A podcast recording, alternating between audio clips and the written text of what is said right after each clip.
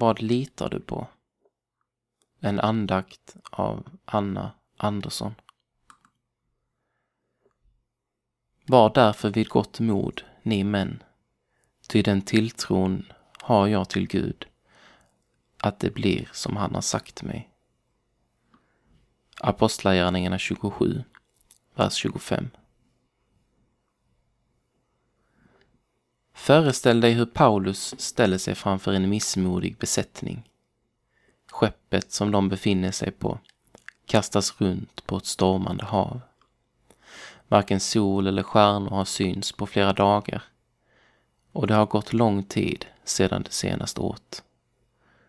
Som om detta inte är nog har besättningen tvingats kasta last och skeppsutrustning för tusentals kronor över bord.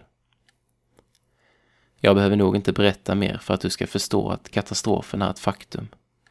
Nu handlar det bara om att överleva. Hur kan Paulus peppa besättningen mitt under denna nära döden-upplevelse? Svaret är att han ser situationen i ljuset av vad Gud har sagt till honom. Genom en ängel har Gud lovat att Paulus ska komma fram dit han är på väg och att alla ombord kommer överleva. Paulus väljer att lita på orden trots vågorna som rasar mitt framför hans ögon. Det som Gud har sagt väger tyngre än vad han själv tänker och känner. Vi litar oftast mest på vårt eget förnuft.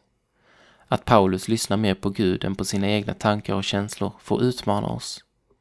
Det är lätt att bortförklara händelsen eftersom Paulus får ett direkt tilltal från Gud. Något sådant skulle aldrig hända idag och definitivt inte oss, kanske vi tänker. Men då missar vi något viktigt. Gud har ju talat varenda ord i hela Bibeln till oss. Det som står där är lika direkt från Gud som om en ängel hade besökt oss.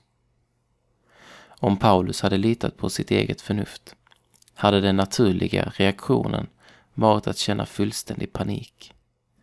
Han befann ju sig på ett skepp som skulle sjunka vilken minut som helst. Genom att lyssna till det som Gud säger får Paulus istället känna hopp. På samma sätt kan vi få perspektiv på våra liv när vi lyssnar på Gud. Bland allt förnuftigt vi gör varje dag finns något som verkligen är förnuftigt.